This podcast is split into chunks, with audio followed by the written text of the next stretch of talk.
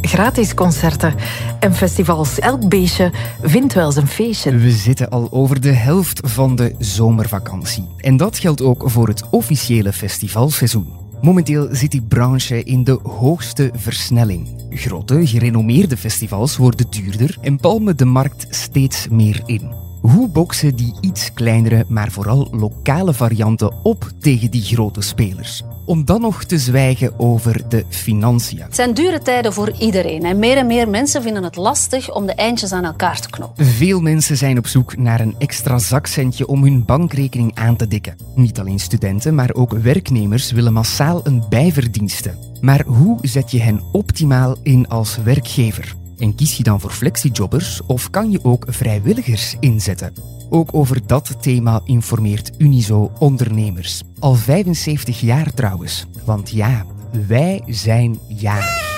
Leg je krant aan de kant, zet het journaal even uit, want hier krijg je een relevant en actueel maandoverzicht. We hebben het vandaag over festivals, bijverdienen en 75 jaar Unizo. Ik ben Laurens Bervoets, welkom bij Optil. Optil, een maandelijkse actua-podcast van Unizo. Met Laurens Bervoets. Ik zit hier opnieuw op de tweede verdieping van Unizo Nationaal in Brussel. Een nieuwe optil met drie nieuwe, maar vooral geweldige gasten. Waaronder de one and only gedelegeerd bestuurder van Unizo, Danny van Assen. Welkom. Dankjewel, helemaal en blij hier te zijn. Ja, en ik had het nooit gedacht dat ik het ging kunnen zeggen tegen jou, maar uh, gelukkige 75ste verjaardag. Ja, ik ben heel goed geconserveerd voor mijn leeftijd en we gaan dat dit jaar absoluut goed vieren. Groot gelijk. Maar ook experte Lies de Nolf is aangeschoven aan onze tafel. Ze is HR-dienstverlener bij Liantis. En ik heb me laten vertellen dat als je wil weten hoe je kan bijverdienen, je bij haar moet zijn. Dag Lies. Hallo, dag allemaal. En dat klopt helemaal. Dus ik ga rijk terug naar huis gaan. Ja, misschien wel. Hopelijk. En onze derde gasten komt recht van de festivalweide Patsy van Olme. Ze organiseert mee Sphinx Festival. Dat vindt jaarlijks gratis en voor niets plaats in Boeghout. Welkom Patsy van Olme. Fijn dat je even tijd voor ons kon vrijmaken na al die hectiek. Nog met kleine oogjes, maar met heel veel plezier. Lies, ik kijk nu even naar jou. We hebben het hier over festivals gehad. Ga jij wel eens naar een festival? Goh, niet zo vaak eigenlijk. En vroeger meer dan nu. Mijn uh, laatste festival dateert eigenlijk van vorige zomer. Toen ben ik nog naar het Cactusfestival in Brugge geweest. Oké, okay. ja. dus het Cactusfestival in Brugge ook een, een kleinschaliger festival. Ja, dat klopt. En heel gezellig ook, ja. Danny, als gedelegeerd bestuurder van Unizo, kunnen we jou op festivals vinden? Wel, als je het Festival van Vlaanderen meetelt, dan ga je me daar zeker nog, nog wel gaat vinden uh, dit jaar. Uh, ik hou zo niet van de allergrote massa's, dus daar blijf ik meestal weg. Maar ik moet wel eerlijk toegeven, en daarom ben ik heel blij dat het vandaag over het Sphinx Festival gaat. Als er nu één festival is waar ik uh, als, uh, als student en jongeling heel vaak naartoe ben geweest, dan is het Sphinx Festival. En het fantastische daar is dat je eigenlijk, ja, je hebt geen keuzestress, want je kent er toch niks. Al die bands die optreden, die komen van heel de wereld en je gaat eigenlijk voor een bepaalde vibe en op basis daarvan kies je je podium. Je moet niks, je doet gewoon wat je leuk vindt en het is altijd een fantastische ontdekking. Dus uh, aan iedereen aangeraden naar Sphinx gaan. Ja. Ik ben er ook al geweest en daar heb ik dus Patsy alleen eens gezien. Want Patsy, vertel eens, hoe ben jij terechtgekomen bij Sphinx Festival? Ook gewoon op een gegeven moment als uh, vrijwilliger een shiftje gaan draaien. En het jaar erop terug, en het jaar erop terug. Op een gegeven moment ben ik dan als uh, verantwoordelijke in de cocktailbar gerold. En een aantal jaren geleden uh, zochten ze nieuwe mensen voor de raad van bestuur. Patsy, dat is iets voor jou. Doe dat eens. Stuurt een sollicitatie. Ik heb dat dan inderdaad gedaan. En sinds een aantal jaar zit ik ook in de raad van bestuur. Wat ook heel leuk is om, uh, ja, om mee de, de route te varen die we varen. Hè. En ben jij dan naast Sphinx ook op andere festivals aanwezig? Of is dit echt gewoon louter Sphinx? Um, hoofdzakelijk Sphinx. Het gebeurt wel eens dat ik hier en daar iets meepik, ook eerder de kleinere. Maar het is ja inderdaad de gezellige sfeer op Sphinx die me daar toch elke keer terug naartoe trekt. We hebben het al zo een paar keer benoemd. Het wordt gezien als een kleinschalig festival. Danny heeft al een tipje van de sluier gelicht, maar wat is Sphinx Festival? Wat is het concept? Het concept is echt een familiefestival. Een uh, familiefestival waar dat je gewoon een dag komt genieten, zonder stress, doen waar dat je zin in hebt, iets lekker eten. Hopelijk ieder jaar in de zon een beetje chillen met vrienden, met familie. En ja, gewoon genieten, genieten, genieten, genieten. Genieten met een marktje en al. Ja, inderdaad. We hebben een markt. We hebben ook sinds een paar jaren een foodfestivalletje op de weide. Um, hey, je moet meegaan met een tijd. En het is gewoon heel leuk om te zien welke foodstanden er allemaal ontstaan. En hebben nu ook de laatste jaren daar een uh, vijftigtal foodtrucks staan. En inderdaad een marktje waar dat ook heel de wereld te zien is, te voelen en te ruiken is. Ja, want het, het is een kleinschalig festival, maar ik heb vooral de indruk dat de voorbije jaren de naam toch wel gekend is. Want toen we hier op de redactie zeiden, Patsy van Sphinx Festival komt, zei ze allemaal, ah, Sphinx Festival. Ik hoor het u graag zeggen. We hebben er al heel veel moeite aan gedaan om het inderdaad niet lokaal te houden. Het is ook heel leuk om nu te kunnen zeggen, na corona is er terug een camping. Dus de iets verder komende jeugd en oudere jeugd kan zich ook uh, gerust op de camping blijven om extra dagen te genieten. Dus dat is inderdaad wel leuk. Boeghout, daar gaat het door. In the name of all places, waarom daar? Omdat er heel toffe mensen ooit in Boeghout hebben gezegd, weet je wat, we gaan eens iets organiseren. En dat is in Boeghout ontstaan en dat is daar gebleven en het is daar goed. Dus we gaan niet verhuizen. Op het molenveld. En wie weet, ooit wordt het zo groot als Werchter, maar dan in Boeghout. Ik denk niet dat we die ambitie hebben. We gaan het gewoon heel gezellig, heel leuk houden op de manier, op onze koppige manier het een beetje verder doen. Dus, ja. Lies, jij zei daarnet Cactus Festival, ook een vrij kleinschalig festival. Als je nu zo het concept van Sphinx hoort, is het iets voor jou? Ik ben zelf niet zo'n festivalhanger, maar het leek me wel een heel leuk en gezellig festival te zijn. Dus uh, moest ik ooit in de buurt zijn, dan ja, kan je mij daar misschien wel tegenkomen. Ja. En dan ineens op de camping, want je moet van wat verder komen. mm, misschien toch nog een dag uitstapje. ja, ja. uh, Sphinx heeft trouwens uh, in 2013 al beslist om het festival gratis te maken. Als je dat hoort, dat is toch een unicum. Een gratis festival. Waarom? Waarom? Uh, wat ik er net zei, we zijn altijd een familiefestival geweest. Um, als je naar Werchter gaat en je partner zegt, ja, het interesseert mij dit jaar zo niet, het programma, dan koop je een kaartje voor jou alleen. Je gaat met vrienden, met familie, met collega's. En dat is Sphinx nooit geweest. Je bent er altijd met je familie gekomen. Wil zeggen een kaartje voor meneer, een kaartje mevrouw. En de kinderen waren gratis. Totdat de kinderen veertien werden, want dan was ook een kaartje nodig. Als je dan drie puberende kerels meenam, ja, dan werd het inderdaad al wel duur. En dan beslist de overheid, ja, sorry Sphinx, voor jullie geen subsidies meer, verhoogt gewoon uw kaartje. Dan weet je dat je op dat moment een drempel hoger maakt voor een hele hoop families, waardoor dat die eigenlijk, waardoor dat de kans bestaat dat die afhaken. Ja. Heeft er weer een slimme boekhoudenaar gezegd, weet je, we maken het gratis. Daar is de nodige discussie over geweest. Toch die stap gezet.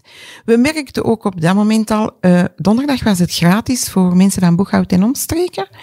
En ik neem daar nog eens graag ons Marja als voorbeeld. Een uh, toenmalige buurvrouw die spijtig genoeg overleden is. Maar ieder jaar kwam die meer rollator donderdag erbij op. Want ze wou de sfeer meeproeven.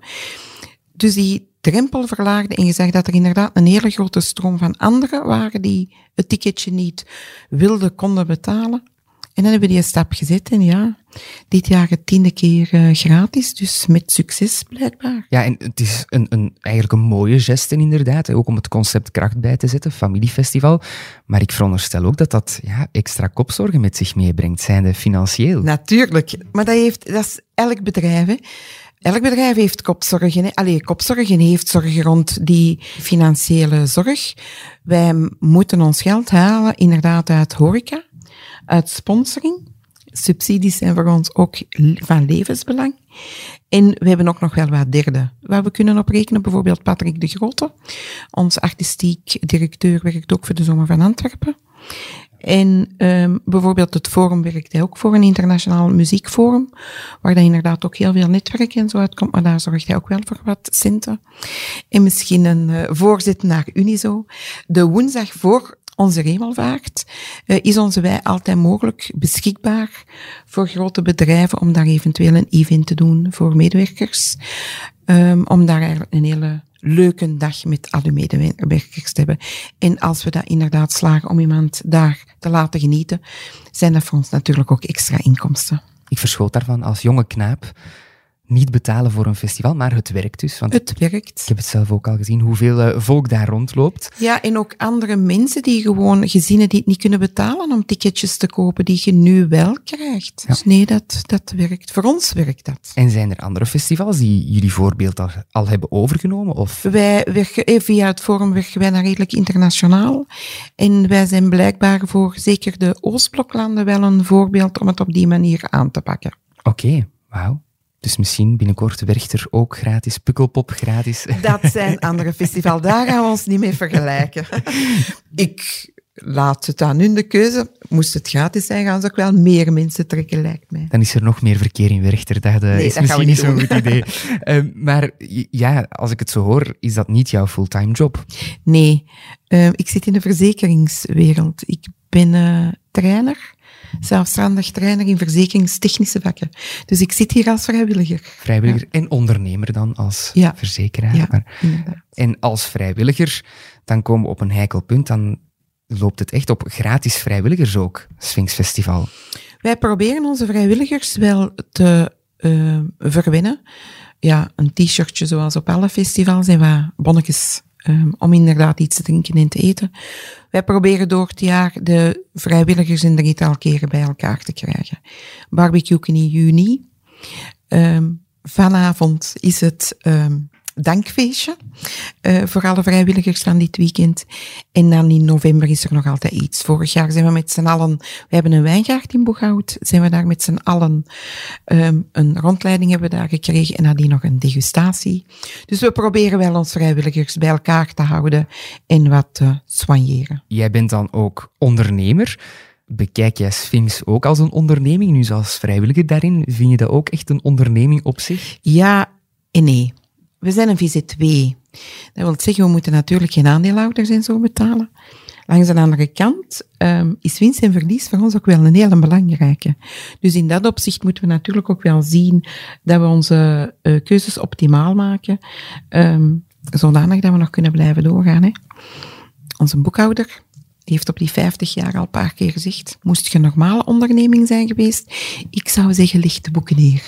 Maar jullie zijn geen onderneming, normale onderneming. Jullie slagen er jullie er altijd wel door. Dus we hopen dat we dat nog heel lang kunnen volhouden. Voor al die families die daar uh, komen genieten. En jullie doen dan ook alles zelf, qua organisatie, maar wat een festival organiseren. Kan je dat zo beknopt uitleggen? Wat hoort daar allemaal bij? We proberen inderdaad heel hard een do-it-yourself te houden. We werken met heel veel vrijwilligers, brengen drie weken op voorhand uh, op te bouwen. We zijn nu nog bezig met de afbraak. Um, en we proberen heel veel zelf te doen. Heel de bars, al de bars worden inderdaad um, door onszelf uh, be behartigd. Natuurlijk, we kunnen niet alles. Hè. Uh, horeca besteden we uit. En er zijn een aantal dingen dat je niet anders kunt dan uitbesteden. We hebben geen tentendepot bij ons. Tenten moeten we huren. Um, het cashless systeem, dat kunnen wij zelf niet ontwikkelen. Dat moeten wij uitbesteden. Dus er zijn een aantal dingen die we uitbesteden. Langs de andere kant proberen we heel veel dingen zelf te doen. En qua artiesten, want ik denk dat het ook niet gemakkelijk is om dat te regelen. We hebben Patrick de Grote en we hebben Kobe Leesmans. Twee mensen met een um, ongelooflijk groot netwerk en een bagage aan ervaring. En die zorgen dat er ieder jaar terug een gevarieerd programma is voor zowel jongeren als kleine kindjes, als volwassenen, als, um, als voor iedereen. En misschien een stoute vraag, maar krijgen die artiesten dan een vergoeding of is dat ook allemaal gratis? Die krijgen wel een vergoeding. Die krijgen wel een vergoeding. Niet dat dat moet, hè, maar wie weet, uh, zei die, het is Sphinx, dan doen wij dat gratis.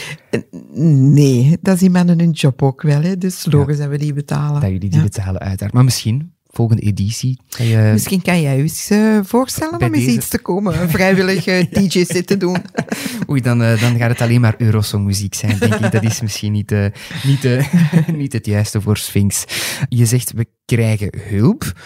Hoe moeilijk is het om die artiesten die we zo net even hebben besproken, om die tot bij jullie te krijgen? Jullie hebben dan Patrick en Kobe, maar dat is allemaal een fluitje van een cent dan eigenlijk, als ik dat zo hoor. Ik betwijfel dat. Uh, er wordt inderdaad wel heel hard genetwerkt en heel hard gezien.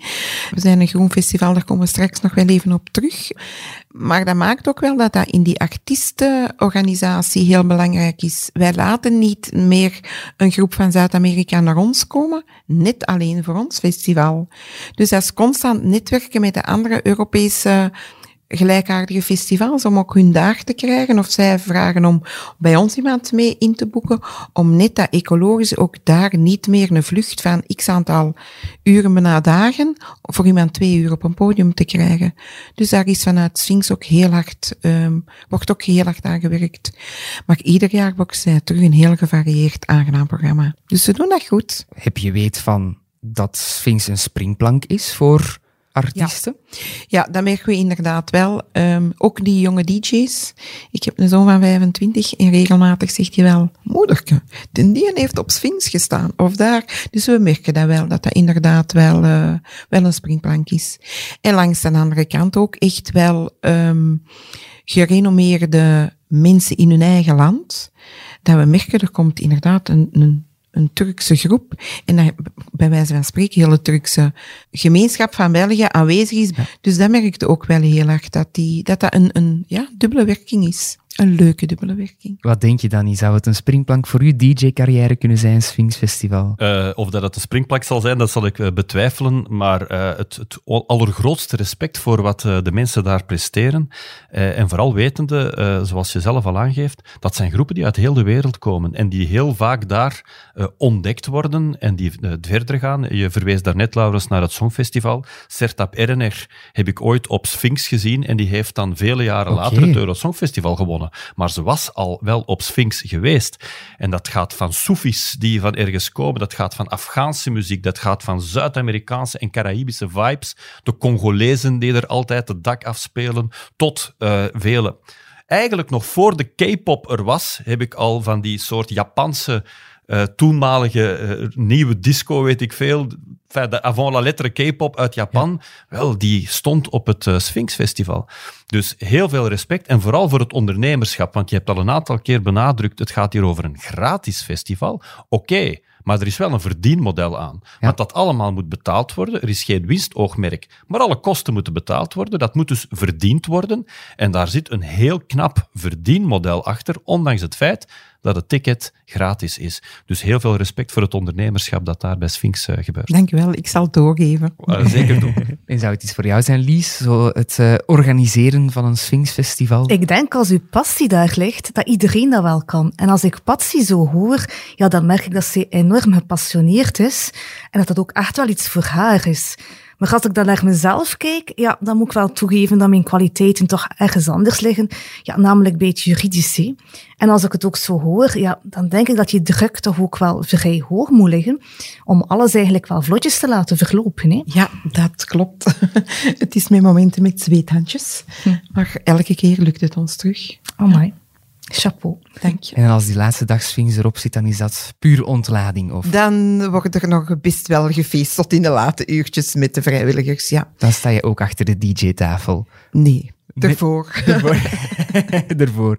Hoe moeilijk is het om op te boksen tegen grote festivals? Want de afgelopen maanden zagen we in de media dat vele kleine festivals last minute zelfs de handdoek in de ring gooien, omdat het gewoon niet meer gaat. Te grote kosten, te weinig bezoekers.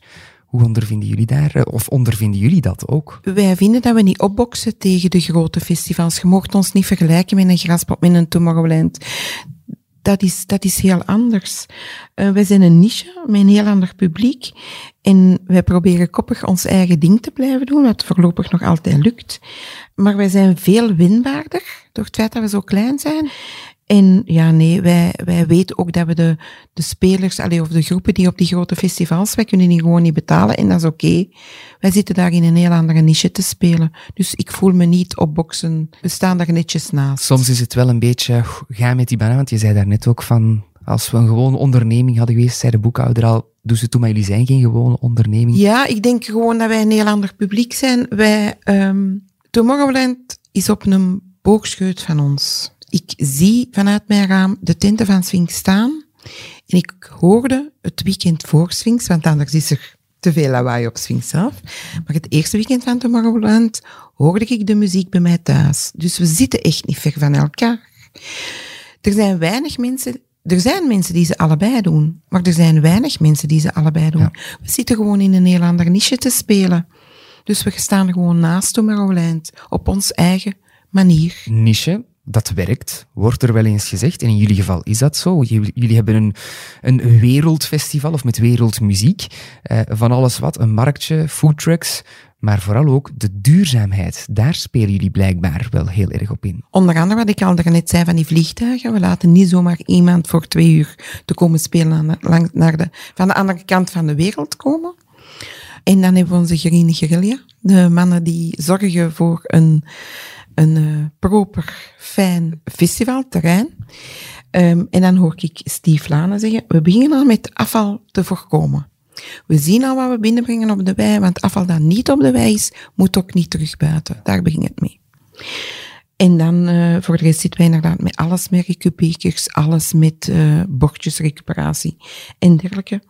We proberen heel hard te uh, benadrukken voor de mensen van de buurt dat er een hele grote fietsenparking is die bewaakt is, dat het openbaar vervoer heel vlot tot in Boeghout geraakt. Daar proberen we heel hard in te zetten. En we hebben sinds uh, vorig jaar ook zonnepanelen op de wei. Okay. Om ons inderdaad zoveel mogelijk van eigen energie te voorzien. We proberen daar heel hard aan te werken. Dus eigenlijk duurzaam, ecologisch, alles gewoon. Ja, ja, ja daar staan we echt voor. Ja. Vandaag de dag heel belangrijk, want Denk je dat dat de toekomst wordt voor zowel kleine als grote festivals, die duurzaamheid? Ik denk voor iedereen. Duurzaam ondernemen, dat, wordt gewoon, dat, dat is gewoon heel belangrijk op het moment. En we zijn daar met Sphinx al redelijk uh, lang mee bezig. Um, horeca-verantwoordelijke Geert van Rijkelen heeft daar ook heel hard aan gewerkt om daar bij ons in al ons bars te zien naar zo weinig mogelijk um, afval, zo groot mogelijk, eh, ik zal zeggen geen blikjes van, van 20 uh, centiliter, maar wel met grote flessen te werken van die kleine dingen. Maar wordt al jaren aan gewerkt omdat het zo belangrijk is. We zien dat de jeugd ook gewoon heel vlot in meegaat. Um, en ook on, ondertussen Europees wordt, het, uh, wordt er ook wel wat op ge, genomen in alle sectoren. En vooral op een realistische manier mee bezig zijn. Kleine stapjes zetten, maar elk stapje dat je zet is, is gezet. Ja, en ik hoor jou zeggen duurzaam ondernemen. En ik voel hier aan mijn rechterkant al zo'n vreugdesprongetje. want Danny, dat is echt ook iets waar Unie zo heel hard naar streeft. Hè? Ja, absoluut. Ik denk dat de reactie terecht is hè, van uh, iedereen gaat met die duurzaamheid bezig moeten zijn. En het opmerkelijke is ook als we naar onze eigen ondernemers kijken, dat we daar eigenlijk nooit het gevoel krijgen dat die ondernemers op de rem willen gaan staan. Nee, die ondernemers willen zelf kijken welke de mogelijkheden zijn om aan duurzaam ondernemen te gaan doen. En er is soms wel wat, wat ongerustheid van oké, bepaalde doelstellingen moeten we gaan halen op een bepaalde termijn. De, de vraag die meestal wordt gesteld is hoe moeten we dat doen? En daar zoeken ze, die ondernemers, vaak ook wel wat begeleiding en ideeën.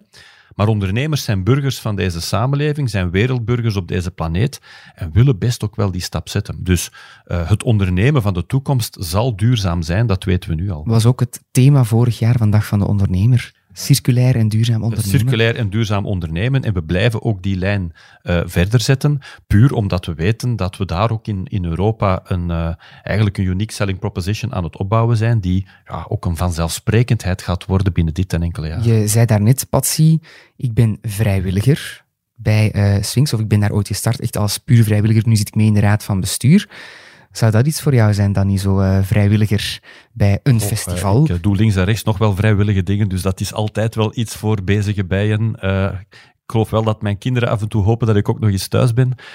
maar ja, absoluut.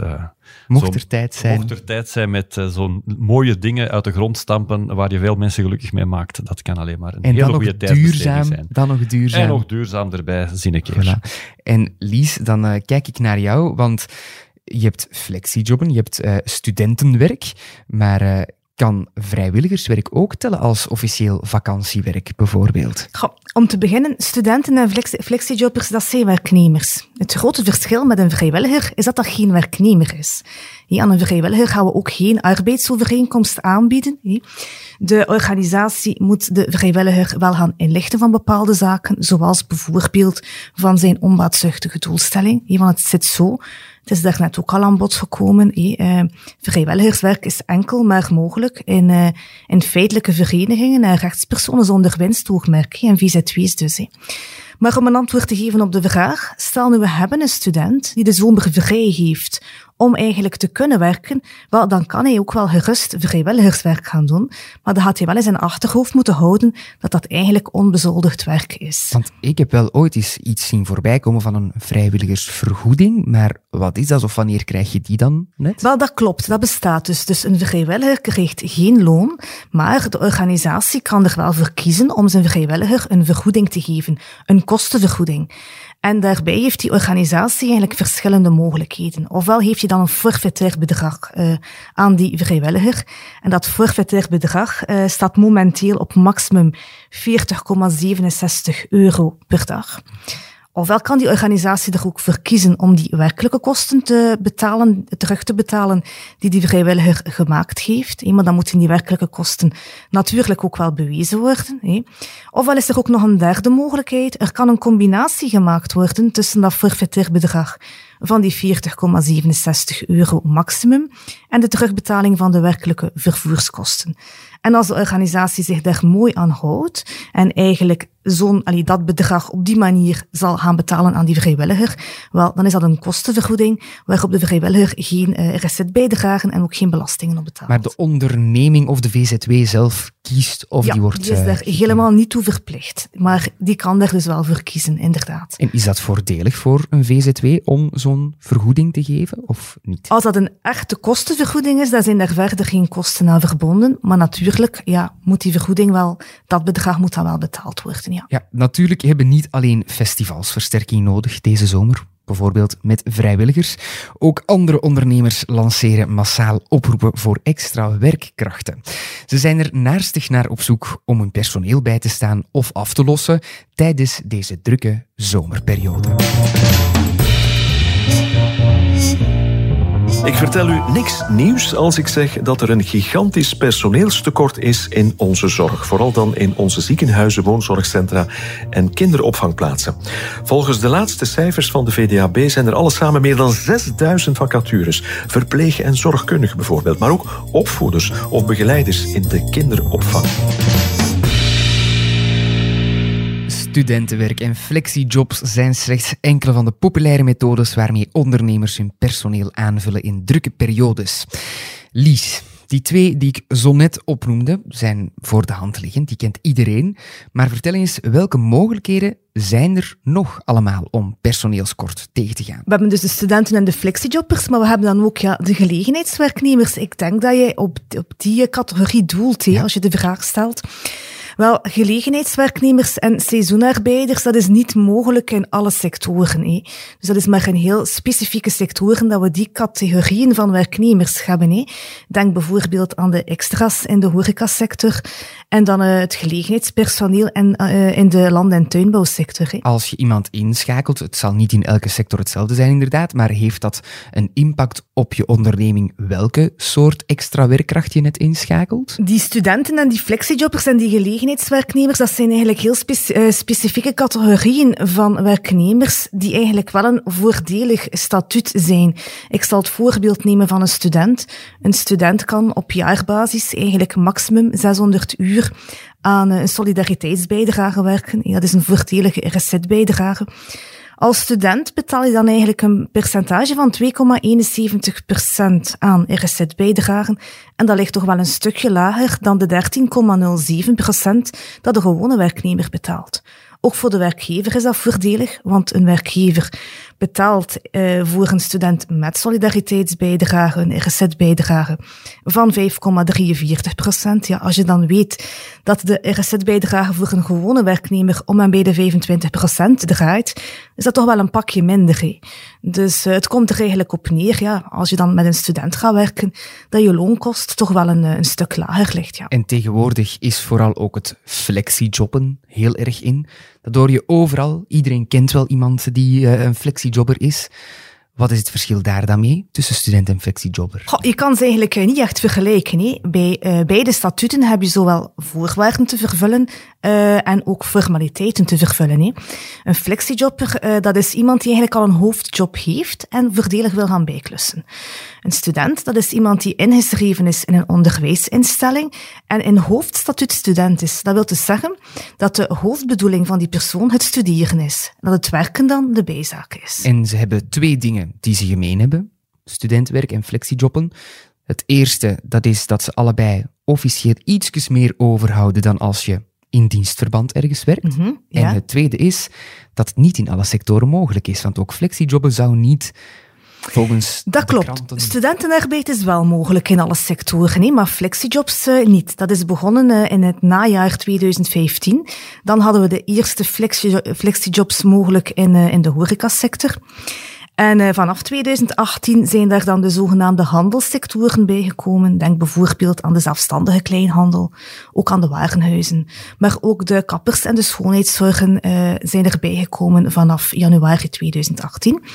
En dan heel recent, sinds begin dit jaar, hebben we er eigenlijk nog een aantal sectoren bij gekregen waar we kunnen gaan flexijobben. En de voornaamste sector is daar toch wel de zorgsector.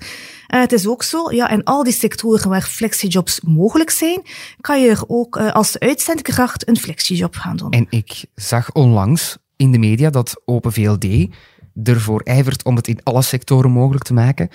Danny, wat vindt Unizo van dat voorstel? Ja, dat is hetzelfde voorstel als wij ook doen. Hè? Want uh, zoals uh, toegelicht heb je hoe langer hoe meer sectoren waar het mag. Dus je moet er eigenlijk al voor gestudeerd hebben om te weten in welke sector mag ik nu nog gaan flexijobben of niet. Dus het wordt een beetje idioot dat er dan andere sectoren zijn waar je niet mag gaan flexijobben. Ik geef u twee voorbeelden. Bijvoorbeeld bij begrafenisondernemers of bij verhuizers. Verhuizers, ook iets dat heel vaak in het weekend gebeurt. Wel, dat is een, een, een heel goede gelegenheid voor andere mensen dan om wat te gaan bijklussen. Hetzelfde bij begrafenissen bijvoorbeeld. Dus eigenlijk zou je gewoon moeten flexiejob mogelijk maken binnen alle mogelijke sectoren. En waar men van moet afstappen is om te denken dat dat dan concurrentie gaat zijn met, met andere werknemers, dat dat jobs gaat afnemen, dat daar geen bijdragen op betaald worden. Wel, dit zijn allemaal mensen die al voltijds of zo goed als voltijds werken. Met andere woorden, zij hebben al bijdragen, zij dragen al voor een voltijdsjob. Dus laat hen dan ook dat bijverdienen doen. Het zijn plekken die anders niet ingevuld raken, want er is krapte op de arbeidsmarkt. Ja, er is gewoon veel meer werk dan dat er mensen zijn om het werk in te vullen.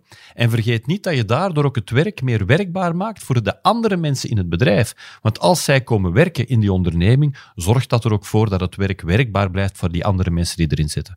Dus volgens ons hebben flexijobs alleen maar voordelen en laat dat, ja, dat, dat artificiële onderscheid tussen sectoren toch vallen. Flexijobs moet je gewoon in elke onderneming kunnen doen. Lies, Danny zegt het nu al, ze werken bijna zo goed als voltijds al die flexiejobbers. Als ik me niet vergis, is het vier vijfde dat je moet werken. Dat klopt. Hè? Dus om een flexiejob te kunnen doen, moet je een aantal voorwaarden vervullen. En een van die voorwaarden is dat je in uh, het derde kwartaal, voor het kwartaal waarin je de flexiejob do doet, moet je eigenlijk minstens 80% gewerkt hebben bij één of meerdere andere werkgevers. Dus niet bij de werkgever waar je de flexiejob doet. Tenzij je in het tweede kwartaal voor de flexiejob gepensioneerd bent. Dus dan geldt die tewerkstellingsvoorwaarde van kwartaal T-3, want zo noemen we dat kwartaal. Dus dan geldt die tewerkstellingsvoorwaarde in kwartaal T-3 niet. Maar dat is nog niet alles, want om te kunnen flexijobben moet je ook nog voorwaarden vervullen in kwartaal T. Dat is dan het kwartaal waarin men de flexiejob gaat uitoefenen. Hè. In kwartaal T uh, mag je eigenlijk al gewoon werken bij de werkgever waar je de flexiejob uitdoet, maar niet voor vier vijfde of meer. En in dat kwartaal mag je ook geen opzegtermijn presteren bij die werkgever, of zitten in een periode die gedekt is door een verbrekingsvergoeding. Heel veel informatie, maar daar kunnen luisteraars voor terecht bij Liantis, veronderstel ik. Zeer zeker, ja. Oké, of bij Unizo en dan verwijzen wij Ja. dus met veel Ja. eh, plezier Ja. door. Want aan het flexijobben zijn ook wel wat formaliteiten eh, verbonden. En eh, daar kan Liantis uiteraard eh, potentiële flexijobbers bij raad en daad gaan bijstaan. Ja. En we hebben het nu over potentiële flexijobbers, ook de voorwaarden, de formaliteiten. Maar wat is het voor de werkgevers die flexijobbers willen inhuren of, of inlassen? En wel, het zijn die werkgevers die bij ons terecht eh, kunnen om eigenlijk eh, alles in orde te brengen voor die flexijobber. Dus zo hebben zij een, een raamovereenkomst nodig. Dat is een, een geschreven overeenkomst die eigenlijk opgemaakt wordt eh vooraleer men eigenlijk gaat flexijobben. En die overeenkomst dient er eigenlijk voor om eigenlijk al ja, een aantal praktische zaken op voorhand te gaan afspreken. Dat is nog niet alles, want uh, als, uh, als die flexijobber gaan effectief aan de slag wil gaan, heb je ook nog een arbeidsovereenkomst Mhm. nodig. En dat is een geschreven overeenkomst, tenzij het een werkstelling van één dag zou zijn. Dus dan volstaat een mondeling dagcontract. En dan mag de werkgever natuurlijk ook nog niet vergeten om een Dimona te doen. En voor een flexiejob is dat een Dimona FLX.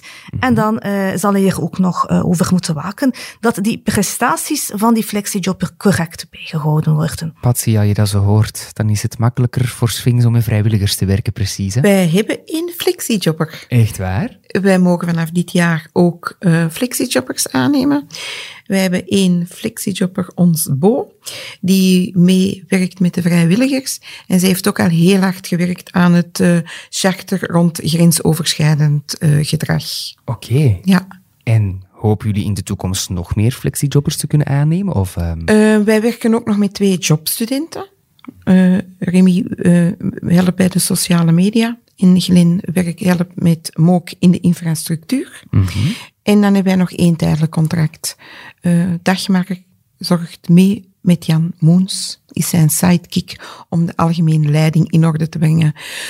Dus ja, we hebben van alles. Heel beperkt, maar toch wel van alles een beetje. En ja, wat dat naar de toekomst zal brengen, dat uh, moeten we ieder jaar toch even bekijken. Maar jullie merken wel dat een mix van die verschillende statuten, laat het ons het zo even noemen, dat dat wel echt goed werkt. Voor ons is dat inderdaad wel voor, en ik zal zeggen vanaf half juni, tot alles terug opgeborgen is, is voor ons een heel hectische periode, waar dat wij alle handen kunnen gebruiken. En dan is het inderdaad niet altijd, want Bo bijvoorbeeld, onze flexijobber, staat in het onderwijs. Okay. Dus dat is nu ideaal om inderdaad haar een maand effectief heel enthousiast bij ons te hebben. Oké, okay. ja kijk, dus misschien dat er luisteraars nu ook weer geïnspireerd raken, opnieuw door Sphinx Festival. Ah, wel, laat ze maar een mailtje sturen. Qua student en flexijobber, is het makkelijker of moeilijker als ondernemer om een flexijobber of student in te schakelen? Meestal ga je niet kunnen kiezen, nee, want ook een student moet aan een aantal voorwaarden voldoen. En ja, ofwel ben je een student, ofwel ben je geen student natuurlijk. En als je geen student bent, dan kan je ook geen studentenwerk verrichten. Hè? Dus een, een student is iemand die uiteraard ingeschreven is in een onderwijsinstelling. En ik haalde het daarnet al eventjes aan. De hoofdbedoeling moet het studeren zijn. Hè? Het, het werken zelf moet de bijzaak zijn. En dan hebben we ook een aantal categorieën die ook uitgesloten zijn van studentenwerk. Zo zal een schoolstagiair eigenlijk geen studentenwerk verrichten. En dan om nog eventjes een stapje verder te gaan. Dus als we een werkgever hebben die een student op het oog heeft, die dus in aanmerking komt, en die wil die persoon aanwerven, dan zal hij daarvoor ook een aantal formaliteiten moeten vervullen. Een student is namelijk iemand die uh, weinig ervaring heeft op de werkvloer en daarom eigenlijk een speciale bescherming geniet. En voor die studenten moeten we eigenlijk een schriftelijke studentenovereenkomst gaan aangaan. En als men dan eigenlijk die solidariteitsbijdrage wil genieten, dus ik had het daar net al eventjes aangehaald in mijn voorbeeldje, dan zal uh, de werkgever ook een Dimona moeten doen voor die student. En dat is een Dimona STU dat hij in dat geval zal moeten doen. En in die Dimona STU zal de werkgever het aantal te werken uren moeten aangeven. En eigenlijk is de bedoeling, en dat is wel heel belangrijk dat dat correct gebeurt, is dat men eigenlijk uh, bij die Dimona vertrekt van het ondertekend exemplaar van die studentenovereenkomst. Dus dat men eigenlijk, dus dat de werkgever eigenlijk op basis van dat studentencontract die Dimona STU gaat doen. Dus eigenlijk qua formaliteiten in orde brengen voor de baas van de onderneming is dat exact hetzelfde? Student of flexijob? Het zijn niet dezelfde formaliteiten, maar het zijn gelijkaardige, inderdaad. De arbeidstijd dat erin kruipt, Voilà. is het hetzelfde. Er moeten documenten ondertekend worden en er moet een dimona gedaan worden, inderdaad. En stel, ja. ik heb een eenmanszaak, Ja. ik ben een enige werknemer in mijn onderneming, kan ik dan beroep doen op een student of op een flexijobber? Als je nog geen werknemers hebt, bedoelt u? Ja. zeker, dat kan. Hè. Eh, maar dan zal je natuurlijk wel werkgever worden. Ja, en dan moet je, om werkgever te worden, een aantal formaliteiten vervullen. Hè. Zo zal je een arbeidsreglement moeten hebben. Zal je ook een eh, arbeidsongevallenverzekering moeten afsluiten. En zal je moeten aansluiten bij een aantal instanties, zoals bijvoorbeeld de RSZ. Hè. En we hebben daarnet ook al gehad, voor de werkgever heeft het verschillende voordelen. Je moet een paar bijdragen lager betalen dan een eh, werknemer die volledig in dienst is. Voor de flexijobber geldt hetzelfde. Die houdt ietsjes meer over dan dat hij in dienstverband ehm, volledig werk verricht, omdat het minder belast wordt. Of is dat te kort door de bocht? Eh, ja, inderdaad. Voor een flexijobber is het een ander verhaal. Dat is een bruto is gelijk aan netto verhaal. Een flexijobber die krijgt een flexiloon en dat is een minimumloon van eh, in alle sectoren, behalve in de zorgsector, ligt dat minimumloon op 11,81 euro per uur. In de zorgsector ligt dat ietsje hoger. Dat is 15,39 euro per uur. En die flexilonen die ik nu hier eh, vermeld, die zijn met inbegrip van het flexivakantiegeld. Dus onze flexijobber, die krijgt dus minstens dat flexiloon. En hij gaat er eigenlijk geen sociale bijdragen en geen belastingen op betalen. Dus wat eigenlijk het bruttoloon aan flexiloon is, ontvangt die flexijobber eigenlijk ook netto uh, aan hetzelfde bedrag. Ja. En zijn er nog voordelen verbonden voor de werknemer en voor de flexijobber zelf? Naast de, de, de kosten die hij niet moet betalen, of het bruto-loon dat het netto-loon is? Maar het, voor, het voornaamste voordeel is natuurlijk dat het een heel voordelig uh, statuut is. Hè.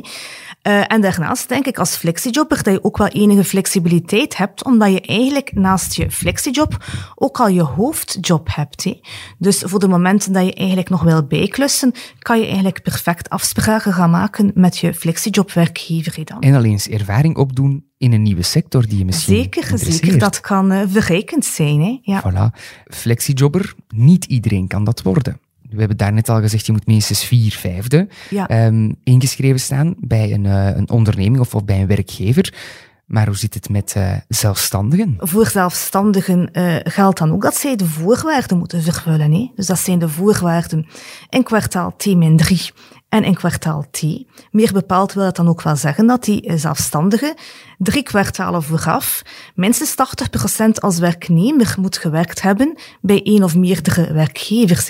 En dat zal meestal niet het geval zijn. Hè. Tenzij natuurlijk in het tweede kwartaal voorafgaand aan de flexiejob al een gepensioneerde was. Dus dan helpt die voorwaarde ook niet. Dus eigenlijk als je al vijf jaar zelfstandig bent, kan je niet meer gaan flexijobben. Nee, inderdaad, dat klopt. Maar ja. word je dan... Ga je dan in pensioen? In pensioen? Dan kan je twee, twee kwartalen later wel als flexijob aan de slag. Ja, dat of klopt. terug in dienst ergens gaan en dan wachten Ook. drie kwartalen om het vierde kwartaal Inderdaad. dan... Oké. Ja, zo werkt het. Een ja. hele rekensom, maar opnieuw daarvoor Ja. verwijzen we ze naar Liantis. Ja, mochten daar vragen over zijn.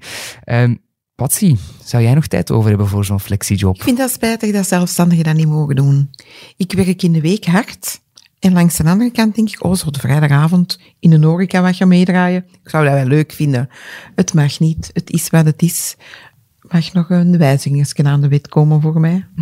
Wat, wat vindt u niet zo daarvan? Ja, wij vinden absoluut dat zelfstandigen ook zouden moeten kunnen flexijobben. Dus uh, dat is ook een vraag die wij stellen.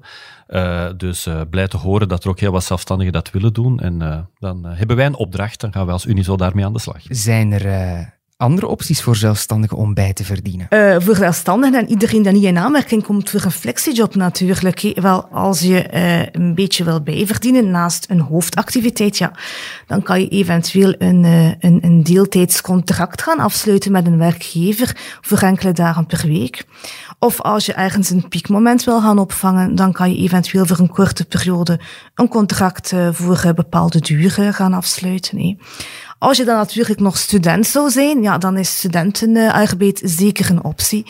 En uh, ja, mocht je ergens willen gaan bijklussen in sectoren waar gelegenheidsarbeid toegelaten is, ja, dan kan je perfect bijvoorbeeld in de horeca ook uh, als extra gaan werken. En wat als ik wil bijverdienen in een sector waar flexijobben op dit moment niet mogelijk is, dan geldt eigenlijk hetzelfde. Inderdaad, dat klopt, ja. Dus eigenlijk kunnen we nu alleen maar hopen dat Unizo pleit om in alle sectoren te kunnen gaan flexijobben en dat de zelfstandigen ook mogen flexijobben. Dat gaan we doen. Maar of je nu personeel te werk stelt of niet, Unizo behartigt de belangen van alle ondernemers in alle etappes van het ondernemen. Al 75 jaar ja hoor, 75 zet Unizo zich samen met haar medewerkers in om ondernemers te ondersteunen en informeren. Ja, en dan die ziektebriefjes. Het hing in de lucht. Het is dus beslist. Werknemers kunnen voortaan tot drie keer per jaar één dag afwezig blijven zonder zo'n ziektebriefje. Tenzij ze in een bedrijf met minder dan 50 medewerkers aan de slag zijn. Want daar moet het briefje wel nog voor elke afwezigheid. En daar zijn de bedrijfsleiders van die kleinere firma's dan weer erg blij mee.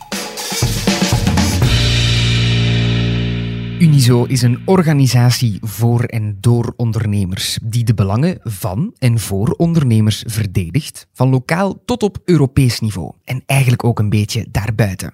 Danny, zeg je dat zo goed? Absoluut. We zijn er van het lokale niveau over het Vlaamse, Brusselse, federale niveau tot uh, in Europa gaan wij aan de alarmbellen trekken wanneer het nodig is om onze zelfstandige ondernemers te ondersteunen. En waarom is het belangrijk dat een uh, organisatie zoals Unizo aan de alarmbellen gaat trekken op die niveaus? Wel, omdat zelfstandige ondernemers Laurens, de trekpaarden, de werkpaarden zijn van onze samenleving. Ik was eigenlijk gechoqueerd in het begin van dit jaar toen Deleuze aankondigde dat ze hun winkels gingen verzelfstandigen, dat we een reactie kregen van vooral de vakbonden die zeiden van ja, maar voor zelfstandigen gaan werken, dat is terug naar de 19e eeuw, dat is niet goed enzovoort. Dat heeft een enorme impact gehad op vele van onze leden en die hebben daar ook op gereageerd. Eigenlijk vragen we vanuit Unizo meer respect voor die zelfstandige ondernemers. Er zijn in dit land bijna 1,3 miljoen zelfstandigen. Bijna 900.000 in hoofdberoep, dan ook nog eens een 300.000 in bijberoep en er zijn zelfs nog 120.000 zelfstandigen die gepensioneerd zijn en toch nog altijd blijven verder werken. Langer werken voor zelfstandigen is, uh, is geen valse belofte, die doen dat effectief. En die zelfstandigen die stellen dan ook nog eens heel wat mensen te werk. 1,16 miljoen werknemers werken voor zelfstandige ondernemers in bedrijven met minder dan 50 werknemers. En dat maakt dat België een van de grootste KMO-landen van de wereld is. En dan merk je nog altijd dat er eigenlijk heel wat, of heel beperkt respect is voor dat zelfstandig ondernemen. Dat men daar nog altijd een of ander uh, verouderd beeld van heeft, terwijl het net die zelfstandige is die met eigen middelen, eigen inzet, zelf risico neemt, ervoor zorgt dat we in dit land welvarend zijn, dat er mensen werk hebben en gaan ze maar verder. Wel, het feit dat we nog altijd dat soort van reacties op zelfstandigen krijgen, maakt de relevantie van Unizo groter dan ooit. We moeten echt zowel bij overheden, vakbonden en iedereen die het nog moet horen, duidelijk maken dat dit land welvarend is, net omdat er zelfstandige ondernemers zijn die bereid zijn om hun nek uit te steken en van niets iets proberen te maken. Ja, want je haalde net het, het, het Deleuze-topic aan. Er zijn heel veel thema's waar Unizo iets over weet of, op de barricade gaat staan voor de ondernemers. Kan je zo eens een beetje opsommen wat allemaal? Wel, eigenlijk zijn we met, met zowat alle zaken bezig waar een, uh, een ondernemer mee te maken krijgt. En we hebben daar net al heel wat topics uh, de revue zien passeren als het gaat over eh, werkgeverschap dan? Hoe ga je om met, met personeel, de krapte op de arbeidsmarkt? Maar tegelijkertijd gaan we ook kijken, ja, die ondernemer zelf, dat is ook een persoon. Wel, hoe staat het met de sociale zekerheid van die persoon? En een van de belangrijke verwezenlijkingen een, jaar, eh, een paar jaar geleden was ook ervoor zorgen dat zelfstandigen en werknemers een gelijk pensioen krijgen voor een gelijk inkomen. Wel, dat hebben we ook kunnen realiseren. Maar dat gaat echt in alle mogelijke richtingen. Hè. Dat gaat over, over mobiliteit, dat gaat over BTW, dat gaat over eerlijke regels in de verhouding tussen bedrijven. Alles wat van belang is voor een ondernemer, wel daar houdt Unizo zich mee bezig. En zo uh, was er ook het thema de afgelopen maanden rond ziektebriefjes. Kan je dat zo eens kort samenvatten? Wat, wat was daar aan de hand? Wel, op een bepaald moment uh, heeft, uh, hebben een aantal ministers in de federale regering voorgesteld, zowel Petra de Sutter als Frank van den Broeke, dat het ziektebriefje moest verboden worden voor wie maar één of enkele dagen afwezig was. En die idee was dan van, ja, dat kost de sociale zekerheid allemaal heel veel geld, want die mensen gaan naar de arts dat moet terugbetaald worden, dus we gaan dat verbieden. Wel, dat heeft ook een enorme schokgolf bij onze werkgevers teweeggebracht. Niet dat al die bedrijven per se nog ziektebriefjes blijven vragen, maar heel vaak in heel veel bedrijven ja, is dat toch nog altijd zowat het laatste redmiddel, de laatste stok achter de deur, die je ook hebt bij werknemers die de kantjes eraf lopen. Daar waar het allemaal goed gaat en waar men het kan afschaffen, geen enkel probleem. Dus niemand zegt dat je het ziektebriefje verplicht moet maken voor iedereen. Maar nu zeggen dat je als werkgever een verbod krijgt om een ziektebriefje te eisen wanneer plots een werknemer opnieuw voor één dag afwezig is, wel, dat is voor ons ook uh, veel te kort door de bocht. Dus daar hebben we ons uh, absoluut tegen verzet. Uh, ook met succes, hè, want er is nu een, een maximum opgelegd of een aantal dagen op een jaar dat in bedrijven geen ziektebriefje meer mag gevraagd worden voor één dag. Wel, er is een uitzondering voor KMO's. Uh, dus bij ons hoeft dat, uh, mag je dat nog altijd vragen, ik zal het zo zeggen. Op zich is dat heel raar dat je daar een verschil tussen grote en kleine bedrijven maakt, maar op zijn minst bij onze zelfstandige ondernemers kan je nog altijd, indien je dat wenst, een ziektebriefje vragen als het nodig is. Dus je ziet in de dossiers waar Unizo in actief is, daar komt wel verandering in. Dus Unizo heeft wel echt een, een grote zeg eigenlijk. Ja, we hebben absoluut een, eh, een eh, belangrijke stem in het kapitel. En de belangrijkste reden daartoe is ook dat wij weten waarover we spreken. Als Unizo hebben wij de pretentie om te zeggen dat we weten waar een ondernemer van wakker ligt. En waarom? Wel omdat we ook door die ondernemers zelf bestuurd worden. Je verwees daarnet naar wat ook Unizo-medewerkers tot stand brengen. Wel, Unizo werkt ook met een 2000-tal vrijwilligerspatsie samen. Dus we hebben meer dan 2000 ondernemers die ook mee actief zijn in onze besturen over het ganse land.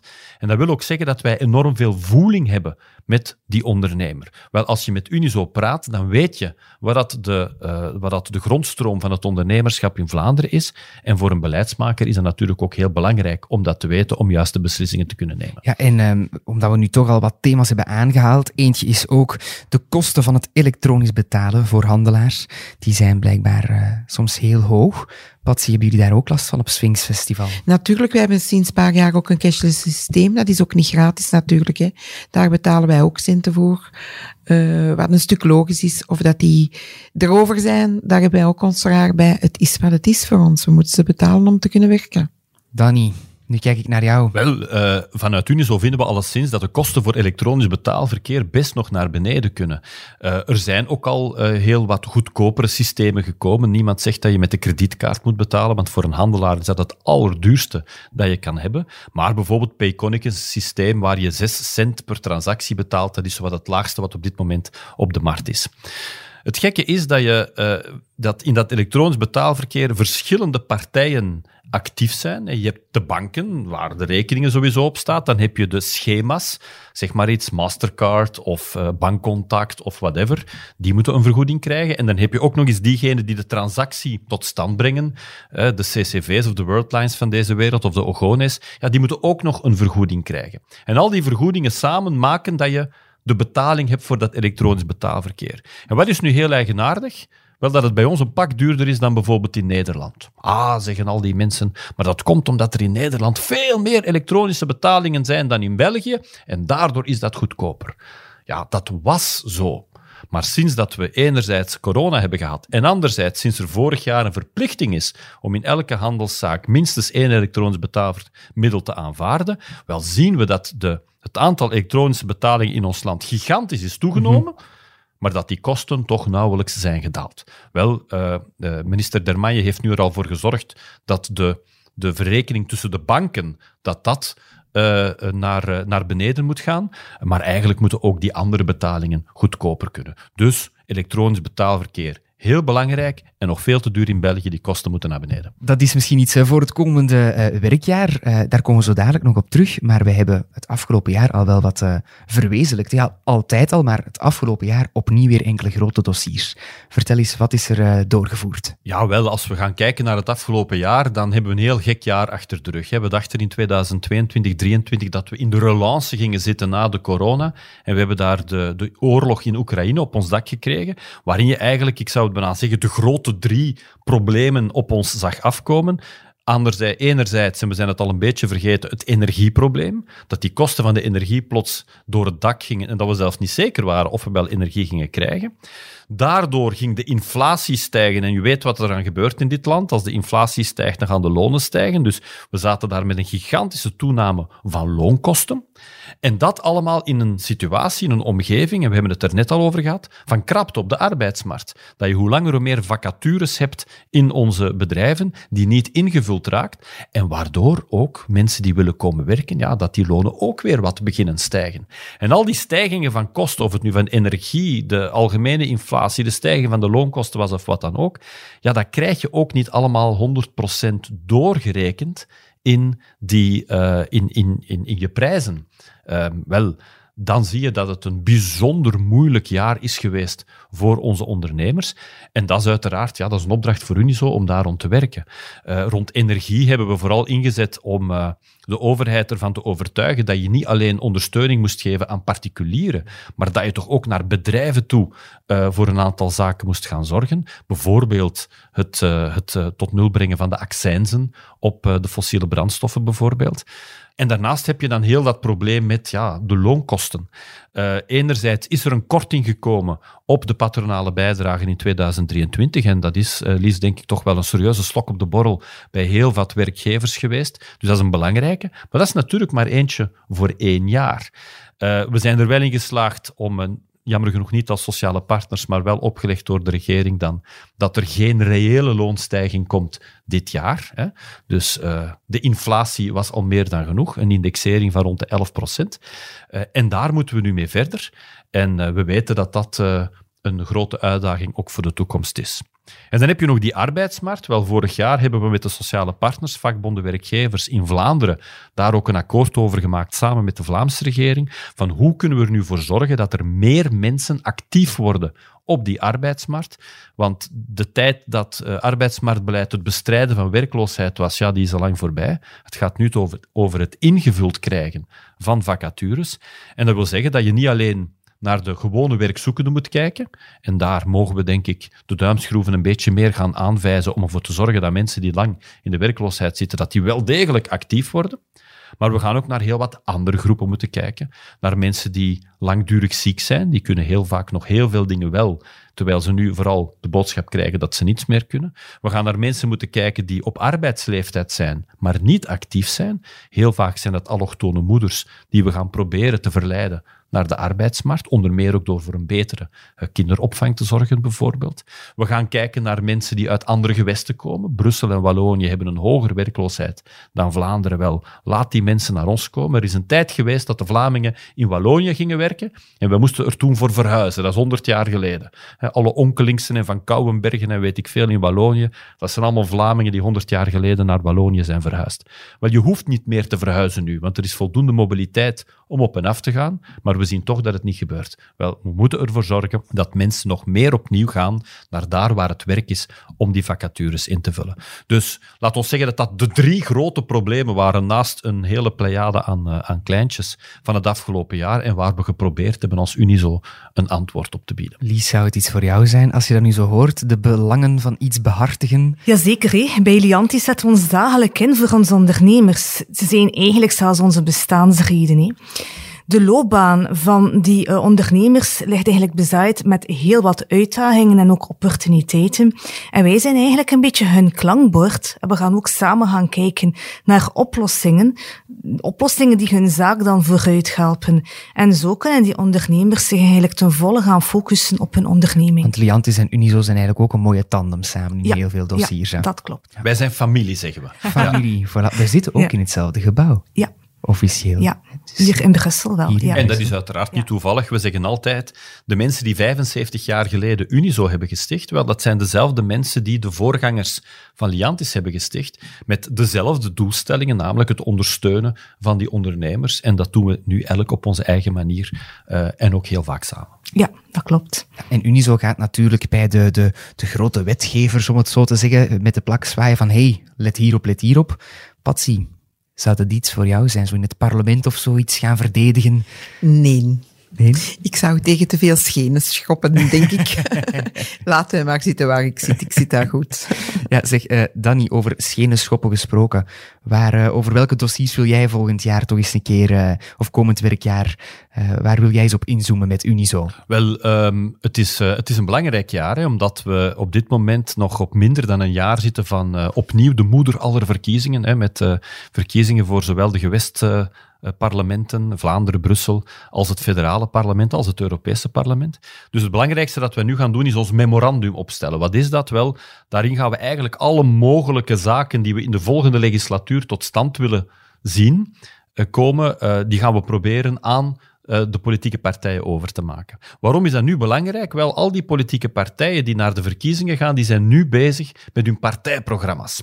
Wel, eigenlijk moeten we ervoor zorgen dat datgene wat voor ondernemers belangrijk is, dat dat nu al meekomt in die partijprogramma's. Want als de verkiezingen gepasseerd zijn en de partijen gaan onderhandelen, ha, om een regeerakkoord te maken, dan gaan zij op basis van hun partijprogramma proberen dat regeerakkoord te maken. En is het opnieuw belangrijk dat die zaken die van belang zijn voor ondernemers, dat die daarmee inzitten. Dus we moeten nu ervoor zorgen dat het eerst in die partijprogramma's van de partij komt, om er dan voor te zorgen dat het in het regeerakkoord van de volgende regeringen komt, om het dan ook gerealiseerd te krijgen. Wat zijn daar de grote zaken? Wel, de grote problemen van daarnet, die blijven natuurlijk. Energie, arbeidsmarkt, eh, de loonkosten, absoluut. Eh, een hele belangrijke, waar we trouwens ook de afgelopen maanden mee bezig zijn geweest, is fiscaliteit. We vragen ongeveer al 30, 40 jaar aan ondernemers, wat is nu het grootste probleem waar u als ondernemer tegenaan kijkt, tegenop botst? En werkgevers zeggen dan altijd wel de hoge lasten op arbeid en vooral het verschil tussen datgene wat we aan een werknemer moeten betalen en wat die daar uiteindelijk aan overhoudt. Wel, dat is het belang van een grote fiscale hervorming. Die blijft blijkbaar in het dak steken bij de huidige federale regering. Wel, dat gaat ongetwijfeld terugkomen. We denken dan ook aan eh, de klimaatdoelstelling. We hebben het daar net, Patsy, ook al over gehad wanneer we het over duurzaamheid hebben. Wel, we weten dat de klimaatdoelstellingen die vanuit Europa uh, worden uh, omschreven tegen 2030 en 2050 dat we daar stappen gaan moeten zetten. Wel, we gaan dat moeten doen op een manier die duidelijk is voor onze ondernemers, die ook haalbaar is voor de ondernemers, maar wel degelijk om die doelstellingen ook te gaan behalen.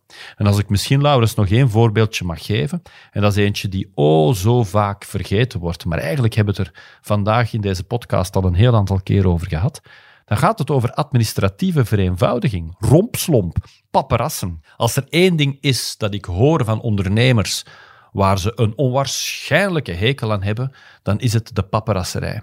En dan zeggen ze van Danny, het is niet leuk meer om te ondernemen. Waarom? Omdat ik veel meer met de bijzaak moet bezig zijn dan met de hoofdzaak. Wel, laat ons proberen iets te doen aan administratieve vereenvoudiging. Het is de nummer twee van de problemen die onze ondernemers naar voren schuiven als datgene waar ze het meeste van wakker liggen. En het blijkt oh zo moeilijk te zijn voor onze overheden om daar iets aan te doen. Een van de voorstellen die we doen is bijvoorbeeld de one in, three out. Wat bedoelen we daarmee? Wel, als je een voorstel doet waarmee je de administratieve last met 1 euro verhoogt, wel, dan moet je daarnaast ervoor zorgen dat je administratieve vereenvoudiging doorvoert voor minstens 3 euro. En dan ga je pas echt stappen vooruit zetten om van die paparasserij vanaf te raken. En laat ons wel wezen, we zitten in een tijd van digitalisering. Iets wat de overheid dringend moet leren is dat digitalisering ook moet leiden tot vereenvoudiging en dat je niet moet zeggen van oh, het kan nu digitaal, we kunnen eigenlijk nog veel meer gaan vragen aan die ondernemer, want het wordt allemaal zogenaamd gemakkelijker. Nee, ze maken het alleen maar moeilijker. Dus als ik er die nog bij kan smijten, administratieve vereenvoudiging wordt voor ons een van de toppers voor de volgende regering. Patsy als ondernemer, one in, three out. Zeker en vast. En voor, zeker voor Sphinx ook een beetje meer um, een, een duidelijke wetgeving. Er zijn heel veel wetgevingen waar wij onder vallen, bijvoorbeeld horeca. Um, maar feit dat wij een tijdelijk event zijn, maakt het voor ons ook heel moeilijk om juist te weten. En eigenlijk weet niemand juist waar dat we onder, onder vallen. En zo zijn er heel veel dingen. Onder andere ook de veiligheidscoördinatie moeten we eigenlijk hebben. En dan staat bij een veiligheidscoördinator en zeg je, ja, maar nee, voor Sphinx is dat niet nodig hoor. Met bepaalde zaken weet niemand juist hoe dat het zit met festivals. En uh, als verzekeraar, de andere kant van, hè, want je bent ook ondernemer naast vrijwilliger, zijn er daar zaken dat je zegt, neem dat zeker mee in jullie volgend werkjaar, dat nog moet gebeuren? Ik ben een heel kleine garnaal in de grote zee van ondernemers. Dus voor mij lukt dat nog allemaal wel een beetje. Maar we zijn er ook voor die kleine garnalen. We zijn er vooral, uh, en, en pas op, kleine garnalen. Wij spreken niet graag over kleine garnalen. Er zijn geen kleine ondernemers, er zijn alleen maar ondernemers. Eén uh, op uh, de twee ondernemers werken nog altijd zonder een vennootschap met een eenmanszaak. Wel, dat zijn geen kleine garnalen, dat zijn mensen die zelf zaken tot stand brengen en daardoor aan, uh, voor meerwaarde in de samenleving zorgen. Dus vergeet het padje dat je een kleine garnaal bent. Je bent Dank een zelfstandige ondernemer en uh, dat is bijzonder veel waard. Het is vanaf nu geen kleine garnaal, maar een scampi. Hè? Ja, dat is dat iets, iets ja. ja, en uh, nu kijk ik naar Lies, want Lies, we zijn er nu altijd over belangenbehartiging bezig, maar dat is niet het enige dat Unizo doet. En Liantis is een partner van Unizo. Wij delen ook awards uit, bijvoorbeeld. We hebben een hele nauwe samenwerking. Wat doen wij nog allemaal? Je wil het niet weten, Laurens, wat wij allemaal doen. Oh, oh. Als we kijken naar Unizo, dan zijn, hebben, eigenlijk hebben we een viertal grote opdrachten. De eerste, daar kent men ons het beste van, dat is de belangenbehartiging. Ten tweede gaan wij ook inzetten op informatie geven. Waarom? Wel, iemand die lid is van Unizo, een ondernemer lid van Unizo, moet sneller en beter op de hoogte worden gebracht van wat voor hem of haar van belang is voor zijn onderneming. En daar maken we echt een erezaak van. Als het van bij ons komt, dan is het juist en zo snel mogelijk komt het tot bij u. Derde punt, we willen van uw ondernemers, van de ondernemers, betere ondernemers maken. Door ze te versterken, door ze te ondersteunen. Bijvoorbeeld via begeleidingen, via opleidingen en al dat soort van zaken. En de beste manier om ondernemers te versterken, wel, dat is dan onze vierde pijler van Unizo, dat is ondernemers samenbrengen. Dat is dat ze van elkaar kunnen leren, want een ondernemer kan het meeste leren van andere ondernemers die het allemaal ook zelf hebben meegemaakt. En wat is eigenlijk de grote saus daarover? Wel, dat is dat ondernemerschap centraal zetten, in de kijker zetten en er promotie voor maken. Uh, en dat doen we onder meer, zoals je net zei, met awards uit te reiken. Dat kan de starter van het jaar zijn, dat kan de KMO van het jaar zijn, uh, de vrouwelijke ondernemer van het jaar samen met Markant. Um, net allemaal met de bedoeling het ondernemerschap centraal te stellen. En we zien dat dat ook aan het lukken is, want we hebben elk jaar, en dit jaar, uh, uh, of vorig jaar moet ik zeggen, is het eerste sinds 2013 uh, dat het een beetje terug achteruit is gegaan. Maar jaar na jaar zagen we het aantal startende ondernemers in ons land toenemen. Uh, wat maakt dat uh, we stilaan een land van ondernemers aan het worden zijn en niet meer een land van collega's of ambtenaren, zoals het misschien 30, 40 jaar geleden was. We zijn echt een ondernemend land geworden en dat willen we zoveel mogelijk in de bloemetjes zetten, want blijkbaar is dat toch nog altijd niet voor iedereen een. Dus daarom moeten ondernemers of kunnen ondernemers lid worden van Unizo. Belangenbehartiging, begeleiding, opleidingen, netwerken, samenbrengen en dan nog extra voordelen die ze dan ook nog eens krijgen. Hè? Voilà. Uh, eigenlijk is het uh, heel uh, eenvoudig samen te vatten. Unizo versterkt ondernemers. En als ondernemers lid worden van Unizo, wel, dan versterken zij ook Unizo en tegelijkertijd alle mogelijke andere ondernemers.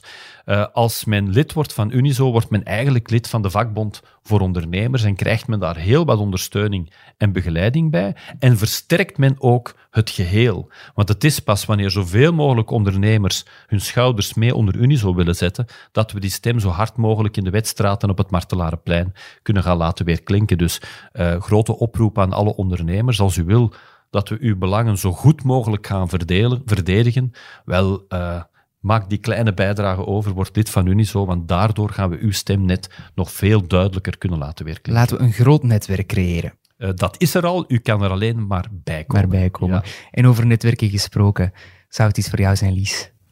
Zo het, het netwerken en, en, en netwerkeventen yes. en zo. Ja, bij uh, Liantis hechten wij heel veel belang aan persoonlijk contact.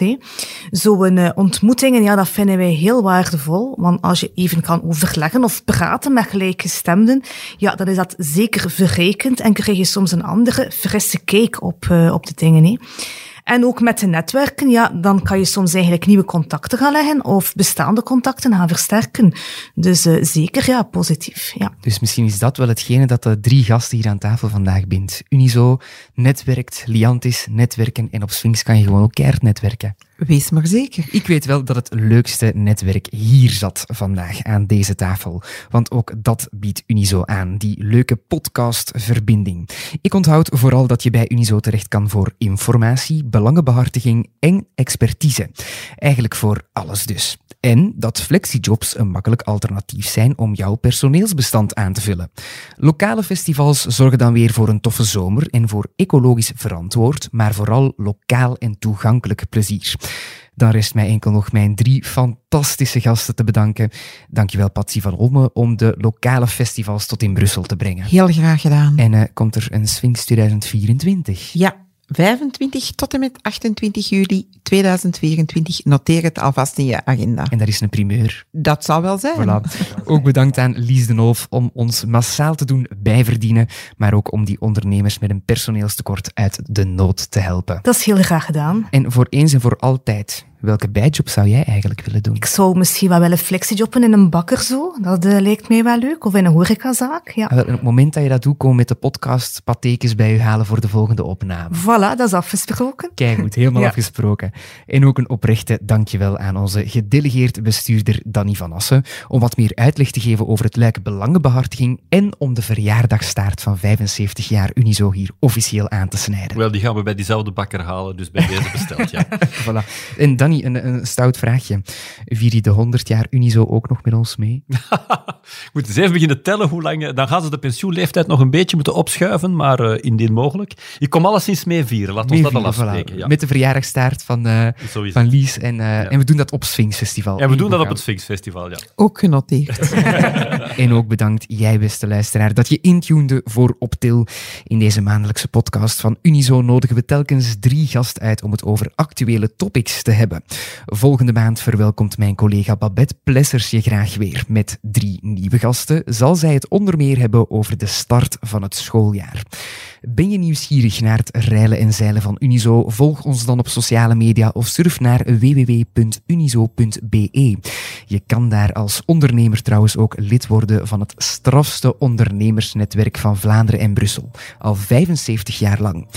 Mocht je een thema hebben dat je graag eens behandeld ziet worden in deze podcast, of wil je wat kwijt aan onze podcastredactie, dan kan je dit met ons delen via podcast.unizo.be.